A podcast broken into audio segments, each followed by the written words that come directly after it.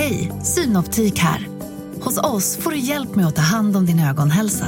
Med vår synundersökning kan vi upptäcka både synförändringar och tecken på vanliga ögonsjukdomar. Boka tid på synoptik.se.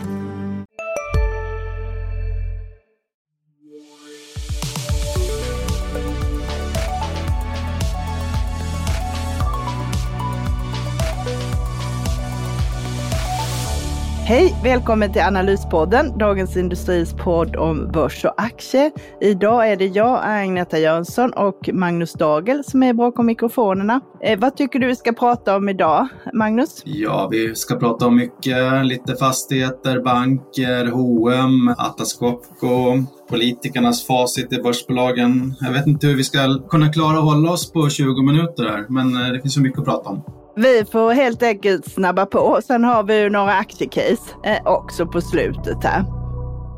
Det är fredag när vi spelar in det här och idag är det den 30 juni och klockan är 10 så vet ni vad vi vet. Hej, Ulf Kristersson här.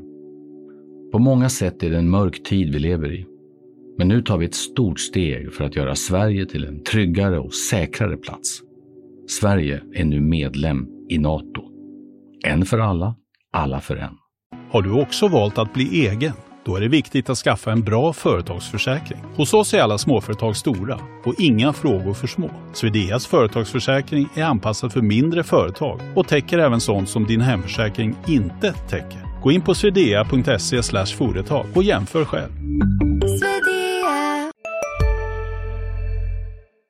Eh, senaste veckan har vi haft plus på börsen här. Storbolagsindex är upp 2,6 procent ungefär eh, och eh, vi är faktiskt upp 12 procent i år. Eh, och det har ju varit faktiskt en ganska dramatisk vecka denna veckan också. Eh, det har hänt en del saker. Igår hade vi ju stort fokus på räntesidan. Vad var det som hände då? Ja du, Riksbanken höjde med 25 räntepunkter igen som väntat till 3,75 procent.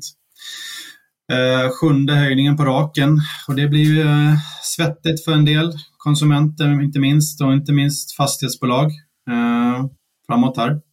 Jo, men visst blir det så och eh, Riksbanken räknar ju med att höja minst en gång till och nu när de ändrade den här räntebanan så räknar de nu med en topp på 4,05 procent. Så sent som i april så låg ju den här toppen på 3,65 så det här flyttas ju liksom eh, fram eh, lite varje gång här får man väl säga. Mm, och vi kan tänka på att det Alltså både fastighetsbolag och bolag och konsumenter lånar ju inte på den räntan utan det är ju alltid ett påslag på minst 1 eh, eller mer eller ibland 2 Så till exempel fastighetsbolagen när deras räntebindningar släpper successivt kommande åren så kommer de att tvingas låna på en 5-6% ofta och det blir ju svettigt för de som har mycket lån. Eh, men eh, förhoppningsvis har räntan börjat gå ner då och Eh, då kanske man klarar sig eh, i bästa fall. Det som talar för det tycker jag lite grann, det är ju att långa räntorna är ju väldigt, inte väldigt låga, men de är låga i varje fall och betydligt låga. Att vi har en, en väldigt inverterad eh, yieldkurva som det heter, alltså att de långa räntorna är mycket lägre. Eh, tioåringen ligger till exempel på 2,5 procent, så man lånar ju mycket lägre på, kort, på lång löptid än kort och det är lite ovanligt. Det ska ju vara tvärtom egentligen. Det är ovanligt och det är ju liksom, tittar man på den här Stiboräntan då som är den rörliga räntan där man lägger då på påslag när där framförallt företag lånar. Den veckoräntan där är ju 3,5 procent så där är det ju omvända världen då en, en hel procentenhet högre än en tioårig statsobligation. Eh, det är ju det är ovanligt får man väl säga. Ja, det kanske talar för att, eh, att även korta räntorna ska gå ner här på sikt då, kommande tio åren. Kanske det marknaden säger eller så säger den eh, något annat, att det är väldigt starka statsskulder eller att det inte finns några eh, obligationer att köpa helt enkelt det kommer väl klarna efterhand här men det är ändå kanske att man börjar se att det börjar närma sig eh, topparna här. Eh, vi kunde ju se det också eh, att fastighetsaktierna gick ju faktiskt upp lite här igår och i veckan. Det kan man väl kanske tolka som en signal på det så att säga. Ja, det kan man nog faktiskt. Att mycket är diskonterat i fastighetsvärderingarna nu efter att de har gått oerhört dåligt under ett och ett halvt år här nu så är det ju väldigt låga värderingar kan jag tycka, men också väldigt stor osäkerhet och eh, framåt där. Och det kommer bli kämpigt för många med, eh, med de här höga räntorna. Speciellt de som har låg avkastning i, i sina bestånd och eh, hög belåning.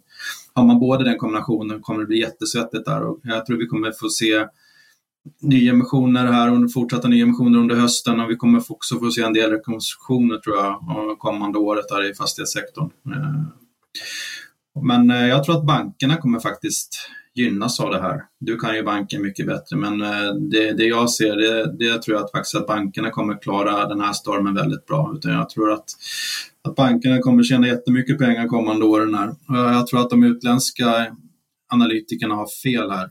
Jag tror precis tvärtom. Jag tror inte att det kommer bli speciellt mycket förluster, kreditförluster på bankerna eh, för fastighetsbolagen. Jag tror att eh, bankerna ser väldigt billiga ut. P-talen är låga, sju i flera fall. Direktavkastningen räknar jag ut. På Nordea skulle det vara 10% om året i tre år, så man skulle få 30% direktavkastning där. Nu ger jag mig in på din, eh, din sektor här. Ja, det gör ingenting. Det är, det, de, är, de hänger ju väldigt mycket ihop just nu, fastigheter och banker. Och även liksom så är ju utlåning till fastigheter en stor del i svenska banker, så de här hänger ju ihop jättemycket. Men du har ju absolut rätt i det här och vi ser ju nu fortfarande här väldigt stora uppgångar just i det här med räntenettorna, ja, om vi tittar nu på de här kvartalsrapporterna som ska komma nu här i mitten av juli, så, så har räntenettorna i snitt ökat med drygt 50 procent eh, jämfört med andra kvartalet för ett år sedan. Eh, och eh, även om det här kommer att plana ur så kommer du stanna kvar på lite högre nivåer och även om man får en lägre lånetillväxt så kommer man att ha eh, goda räntor, eh, goda räntenetton även framöver här. Och det är ju precis som du säger, bankerna sätter ju nu av mer pengar eh, för, eh, för liksom eventuella kreditförluster än vad de gjorde för ett år sedan. Men man har redan satt av väldigt mycket för det här med fastighetsrisker och jag håller absolut med dig där att eh, den här oron, framförallt vad det gäller de stora bolagen som har lånat mycket på obligationsmarknaden är eh, överdriven. Sen kanske det kan komma kreditförluster och eh, eller framförallt uppstå problem i mindre fastighetsbolag så att säga som är mer lokala och så, men det är ingenting som vare sig äventyrar bankerna eller ställer till med någon större oreda. Och mycket är ju det här att eh, fastighetsbolagen har ju vetat om det här länge med sina obligationsförfall och att vi går in i en tuffare marknad så att vi gör, de gör ju affärer, både som du säger då, tar in extra kapital, men man säljer ju också fastigheter och jobbar.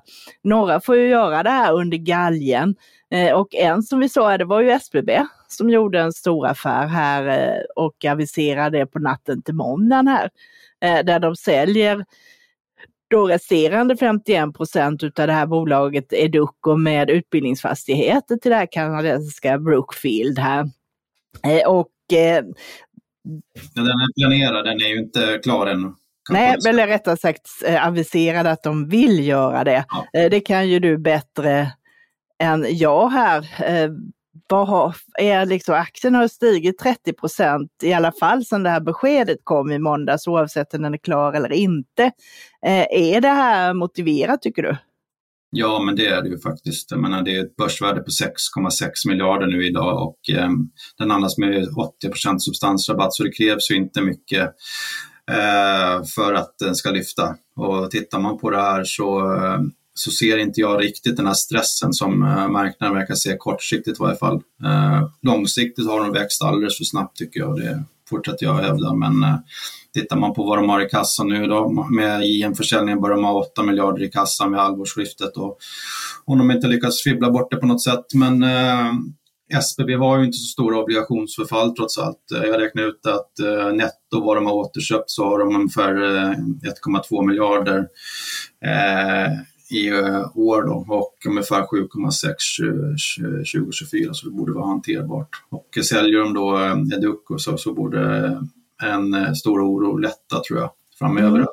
Nu har de också stärkt in utdelningen då, så större del av kassaflödet kommer då till godo till aktieägarna och att man kan använda dem till att eh, återköpa obligationer eller liknande. Mm. Ja, men det blir intressant att se det här. De kommer ju rapportera ju ganska tidigt här den 14 juli, så då får vi väl se också hur det ser ut med substansvärdet. Så, men nu är väl en stor rabatt som det ser ut idag. 80 substansrabatt mot, eh, men det är också stor eh, osäkerhet där också om, eh, på den här värdena, vad de är upptagna till. Vi har sett att de senaste åren har ju, alltså, avkastningskraven har ju fallit dramatiskt på de här typerna av fastigheter som SBB. Jag kommer ihåg för några år sedan när Jens Engvall började med det här, då var avkastningskraven runt 6-7 procent på de här samhällsfastigheter, skolor och så. Nu har de ofta fallit ner till 4 kanske, 4-5, ibland ännu lägre. Och det har just drivit upp värdena kraftigt och ska de höjas nu igen med ränteuppgången så, så kommer eh, värdena gå ner. Och det är förmodligen det som marknaden ser då, att man sätter sån stora rabatter. Ska vi släppa det så länge här? Du har ju tittat på ett annat på börsen som inte har så mycket med fastigheter att göra, men mer koppling till det som pågår just nu. Det här, vi har ju Almedalsveckan på Gotland där väldigt många av våra politiker är närvarande. Men du konstaterar att det finns en del kända politiker, före detta politiker framförallt på börsen också. Hur har det gått för dem? Ja, det har ofta inte gått så bra och jag befinner mig också på Almedalsveckan här i Visby denna, denna vecka och jag har varit nere ett par gånger och tittat på spektaklet. Mycket folk och mycket politiker där eh, så jag tyckte det var en bra idé att titta på facit för flera av de aktierna som jag har tittat på eh, har ju gått väldigt svagt där politiker har funnits i styrelserna. Det här kan ju vara så kallad nonsenskorrelation men det är samtidigt lite för mycket aktier som har gått väldigt svagt som har politiker i styrelsen på senare år och inte minst fastigheter som du nämnde. Då. Eh, några som jag tog upp där, det var ju bland annat eh, Heimstaden med Fredrik Reinfeldt i styrelsen, vi har ju till exempel Fastator med Carl Bildt. Vi har Oscar Properties och vi har eh, jag menar, Celius. Så det finns gott om aktier som gått väldigt dåligt eh, med just politiker i styrelsen. Men med det sagt så tror jag också eh, att man kanske inte ska dra för stora växlar på det utan politiker kan ju tillföra också mycket i styrelserna. Alltså att man med tillståndsprocesser, man kan öppna dörrar, och liknande. Men man får, som aktieägare börjar man vara lite försiktig när man ändå ser på toppolitiker i styrelsen att det är en slags galjonsfigurer ändå. Så att man, det är definitivt ingen garant för eh, bra kursutveckling. Ja, men det är ju en intressant iakttagelse i alla fall. Så att som du säger, de kan ju göra mycket nytta. Vi har ju Göran Persson som stort exempel här som är ordförande i Swedbanks styrelse och där hoppas man ju att han kan eh, också med sina kontakter här nu om det blir aktuellt att förhandla om eventuella amerikanska böter, att han kan göra en insats till exempel. Men sen är det ju säkert som du säger också att många kanske har kommit in i kraft för att det är ett känt namn och att det kan eh, locka lite extra investerare. Mm. Ska vi släppa det och gå vidare? Hej, Susanne Axel här. När du gör som jag och listar dig på en av Krys vårdcentraler får du en fast läkarkontakt som kan din sjukdomshistoria. Du får träffa erfarna specialister, tillgång till lättakuten och så kan du chatta med vårdpersonalen. Så gör ditt viktigaste val idag, lista dig hos Kry. Välkommen till Maccafé på utvalda McDonalds restauranger med Baristakaffe till rimligt pris. Vad sägs om en latte eller cappuccino för bara 35 kronor? Alltid gjorda av våra utbildade baristor. Vi fick en eh, rapport igår där aktien rusade 18 procent eh, efter att ha en nästan lika stark utveckling eh, vid föregående kvartalsrapport. Och det är ju H&M som har nu vänt ordentligt här eh, och det var ju en del saker i den här rapporten som pekade åt rätt håll. Eh, Rörelses, eh, rörelsemarginalen var en procent bättre än väntat, 8 istället för väntat 7 procent. Man hade en stark försäljning i juni eh, som ökade med 10 procent, vilket marknaden gillade. En del av de här sakerna som man har haft emot sig med den starka dollarn och eh, med leverans på högre fraktkostnader och sånt där och eh, plus att lagren har kommit ner lite är på rätt håll. Men det är ju väldigt mycket. Du har tittat lite på det här. Hur ser du på det Magnus? Jag skrev ju om den och satte ställ där eh, för några månader sedan och det var en väldigt dålig rekommendation. Sämsta på bra länge ska jag säga. Eh, för aktierna har gått starkt sedan dess. Eh, men jag tycker inte att eh, bolaget har vänt speciellt mycket utan det är mest aktierna som har vänt uppåt kraftigt. Jag tyckte värderingen var väldigt hög då och den är mycket högre nu. Den andra som är för på 30 gånger vinsten i år och 22 gånger nästa år. Och så nästa år ska de tjäna då ungefär 20 miljarder eh, i rörelsevinst och börsvärdet är ungefär 300 miljarder nu. Så det är väldigt höga förväntningar ska jag säga. Och det som jag skrev om då, det var ju mycket de här långsiktiga utmaningarna för just klädindustrin och snabbmode som jag är väldigt orolig för de kommande åren, hur, hur H&M ska hantera det och även många andra klädbolag, att man måste handla helt enkelt mindre kläder och gå, gå mer mot kvalitet och eh, man kan inte hålla på och slänga kläder på det sättet man har gjort de senaste åren. Och det blev ju ganska uppenbart nu tycker jag med, med Aftonbladets granskningar att de eh, spårade kläder och som hamnade i Belize. Eh, så jag tycker utmaningarna kommande åren kvarstår och eh, förväntningarna är väldigt höga på H&M. Det handlas ju alltså högre än Atlas Copco eh, P talet i år. Så ja, de har mycket, de har ju guidat nu för en, att de kan nå 10 nästan nästa år. Så det, det vill till att de gör det för att den här aktiekursen ska stå sig, tycker jag. Ja, och man måste nog dra ut det här lite för som du säger, historiskt har ju H&M haft en hög värdering, men då har de också haft en hög tillväxt och det är väldigt svårt att tänka med sig just med den här omställningen mot mer hållbart, att man ska kunna ha den typen utav tillväxt. Det är ju två trender som går eh, mot varandra. Sedan har ju de andra märken också med mer kvalitets Eh, kläder och lite dyrare grejer men köper folk färre än vad man har gjort, kläder än vad man har gjort tidigare så kommer du ju inte ha eh, den här tillväxten. Så jag tror, tycker man ska vara lite försiktig också här.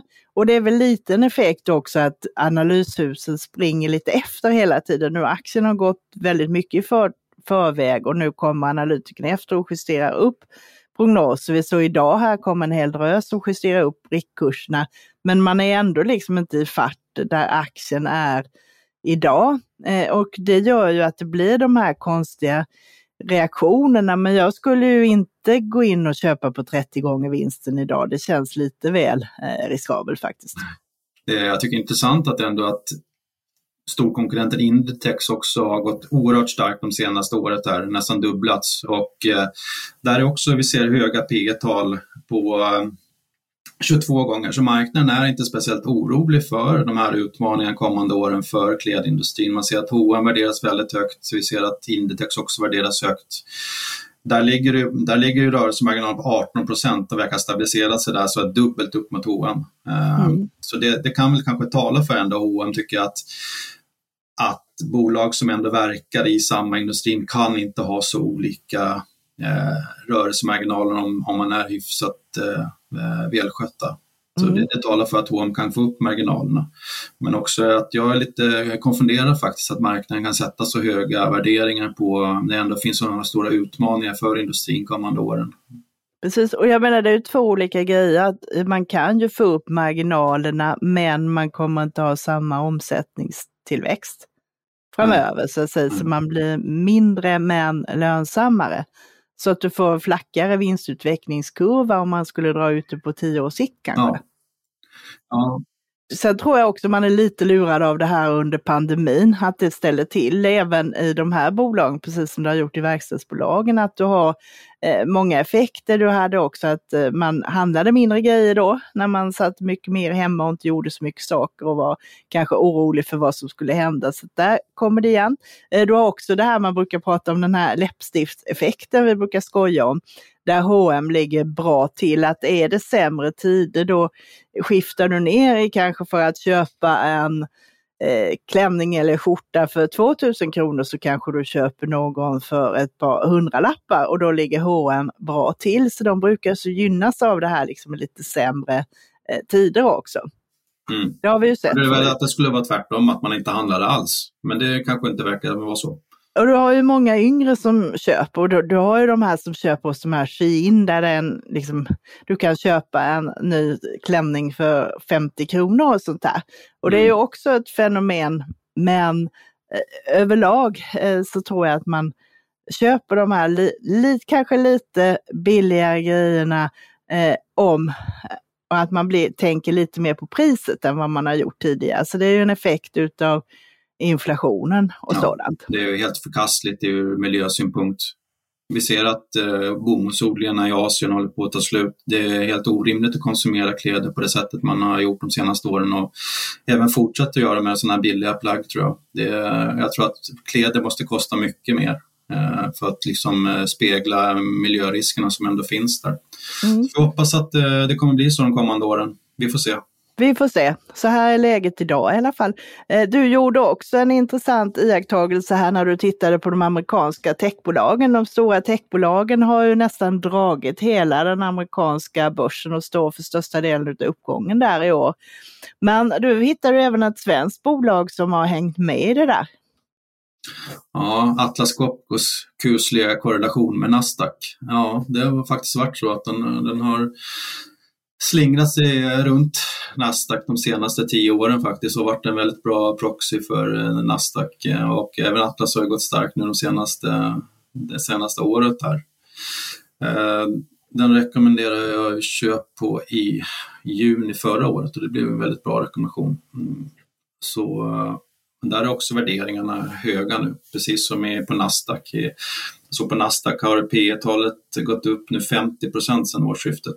Eh, och eh, jag tycker inte man har sett speciellt stora vinstrevideringar uppåt.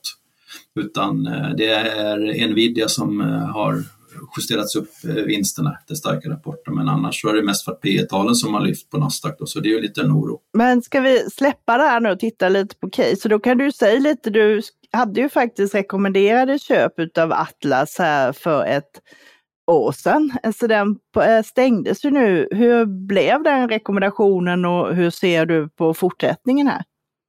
Ja, men den blev ju bra som sagt. Där och liksom, eh, den gick ju upp 50 procent nästan på ett år. Eh, och det är ju ett fantastiskt bolag tycker jag. Man tycker man hittar mycket där som man vill ha ett bolag om man vill äga långsiktigt. Att man Eh, att de har stora vallgravar runt sin verksamhet. De kan höja priserna på sina produkter löpande, att de har så pass stor forskning och utveckling. Att man kan, eh, och det blir ju väldigt eh, bra hävstång för bolag. Jag tittar lite på Porsche också här, eh, tyska Porsche för något, eh, och jag ser liksom lite likheter där. Att har man ett väldigt starkt varumärke och lojala kunder, mycket forskning och utveckling, då kan man höja priserna på sina produkter över tiden och det blir väldigt eh, lönsamt för för aktieägarna.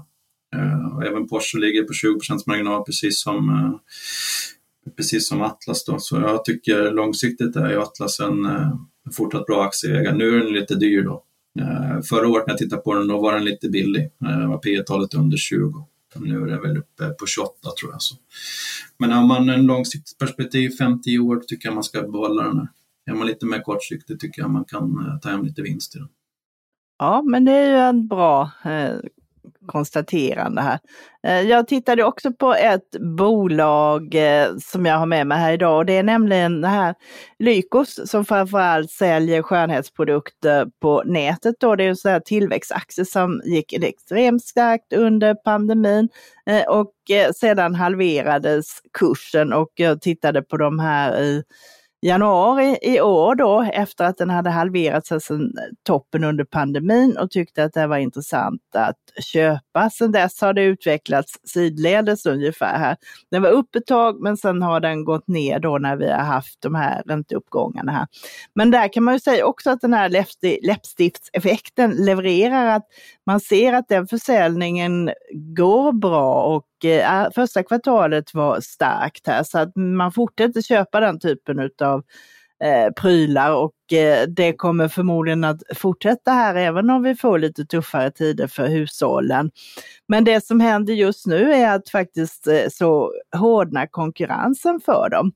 Eh, deras största konkurrent och den som är störst på den nordiska marknaden det är Kicks som fram till igår då ägdes av Axel Jonsson eh, som äger, även äger då Axfood och de här men har sålt Åhléns tidigare. Så att de renodlar nu och tar bort det som är sällanköp, där då skönhetsprodukter och det räknas in lite. Så de sålde Kicks till det här danska bolaget Matas för 1,1 miljarder igår. Eh, och eh, Kicks hade en rekordvinst eh, förra året, säger de. De gick också väldigt bra under pandemin här och hade det bästa resultatet sedan 2016. Sen fick vi då en uppgång på det här Matas aktie på det här. De steg 7 procent och har gått upp 37 procent i år, men Lykos backar på det här då. Nu har, och det är väl ganska logiskt liksom att man ser kanske att konkurrensen hårdrar nu här och Matas vill också satsa mer på onlineförsäljning. Idag har de 20 procent av sin försäljning online mot Lyko har 87. Och sen finns det liksom en del likheter i de här bolagen. De har sådana här lojalitetsprogram. Matas har en sån här kundklubb med 1,6 miljoner medlemmar. Eh, Lyko har sådana här också lojalitetsprogram och sådana här saker. Och man har så här, man recenserar produkter på sajten och har breda varumärken och sånt där. Men eh, jag tror att det kan finnas plats för båda och det, Lykos har ju varit väldigt duktiga på att Eh, Eh, växa och varit väldigt duktiga med sin logistik också. Man har ett jättestort lager där utanför Vansbro. Man är väldigt bra på att få ut grejerna snabbt till konsumenter och vara lyhörda för vilka produkter som faktiskt går bra här. Så att de här grejerna behöver inte ta ut eh, varandra här utan det kan det får plats för båda, men det kan också bli att det blir lite så här, lite priskrig och lite konkurrens om eh, olika typ, med, med, samma typ av kunder. Däremot så kan det också vara så att de mindre aktörerna slås ut, för det finns ju väldigt många små eh, onlineaktörer i det här med hårvård och skönhetsvård och så de här grejerna.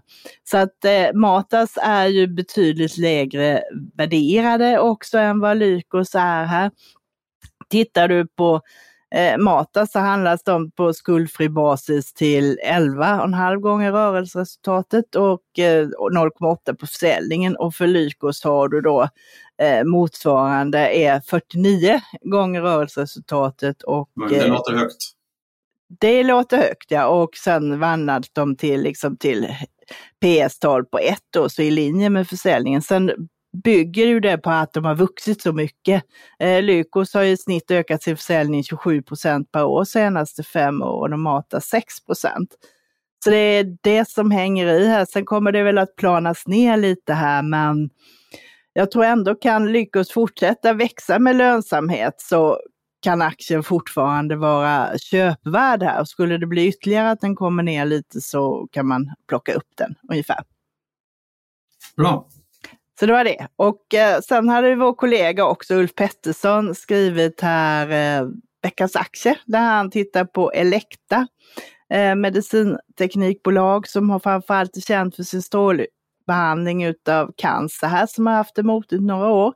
Han tycker man kan köpa aktien som kan stiga till runt 100-lappen i alla fall, det vill säga en uppsida på 25 procent här. De har haft det motigt några år men nu ser det bättre ut och senaste två kvartalen har man haft bättre marginaler och bättre kassaflöde. Plus att man nu omsätter den här ökningen i orderingången till kassaflöde, eh, vilket man har haft det lite svårt med ett tag här. Så att eh, värderingen kommer ner här från eh, ett P tal på 33 i fjol till 20 för innevarande år på vår prognos. Så det blir alltså en köprekommendation på Elekta här.